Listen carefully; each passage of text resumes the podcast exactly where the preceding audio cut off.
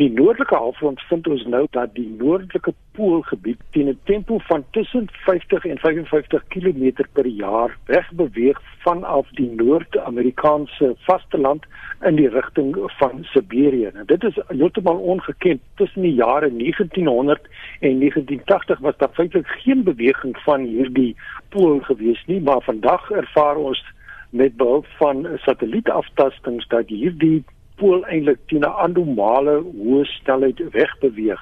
Ons vermoed dat dit te doen het met die opwekking van die aarde se magneetveld ongeveer 3000 km onder die oppervlakte van die aarde waar die gesmelte interne kerngedeelte van die aarde ongelooflike hoeveelheid elektriese strome opwek. Met hierdie gepaardgaande elektriese strome kry ons dan ook die aarde se magneetveld. Wat ons nou vermoed wat gebeur in die noordelike halfrond is daar 'n ongelooflike groot afwyking is in die konfigurasie van die elektriese strome wat dan 'n aanduiding kan wees op waarom hierdie pool so teen 'n geweldige tempo wegbeweeg van die Amerikaanse vasteland af. Dit het alles te doen met die moontlike verwagting dat die aarde besig is om 'n ompoling scenario te betree waar die noord en die suidelike pole gaan ompool.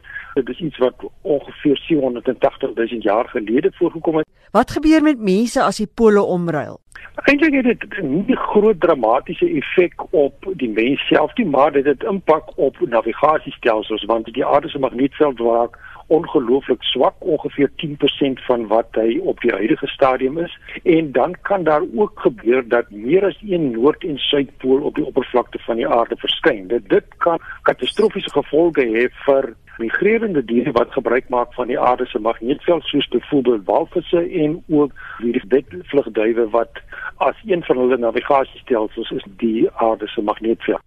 Hoe raak dit lugvaartkunde? Dit 'n rol te speel in veral presisie navigasie vir militêre toepassings en ook volgens die internasionale lugvaart owerheid moet alle vliegtye en skepe moet 'n magnetiese bystandskompak hê vir ingeval die elektroniese stelsels nadelig beïnvloed kan word soos byvoorbeeld weerlig moet teruggeval word op magnetiese navigasie en indien die noordpool nou so dramaties rondbeweeg moet die modelle en ook die navigasiekaarte op 'n baie meer gereelde interval opgedateer word om veiligheid te verseker. Wat gebeur op dieselfde tyd in die suidelike halfrond? Die suidelike halfrond beweeg die suidpool maar teen 'n skale tempo van 5 km per jaar in teenstelling met ongeveer 55 km per jaar in die noordelike halfrond. Dit beteken hierdie gebiede is nie gekoppel aan mekaar soos wat 'n mens sou miskien aanvaar in 'n staafmagneet oriëntasie nie. Dis 'n verdere bevestiging dat die aarde se magneetveld oral onder die aardbol deur elektriese strome opgewek word wat nie aan mekaar verwant is nie.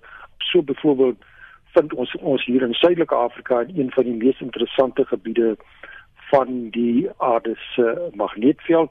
Trouwens dit is een van die gebiede waar die aarde se magneetveld teen die vinnigste tempo verander totaal anders as wat ons byvoorbeeld ervaar in die noordelike halfrond. Daar is 'n gebied tussen Suidelike Afrika en Suid-Amerika, die Suid-Atlantiese magnetiese anomalie. Dit is 'n gebied waar die aarde se magneetveld ongeveer 30% swakker is op soortgelyke lengte en breedtegrade en hoogte bo seevlak op ander dele van die aardbol.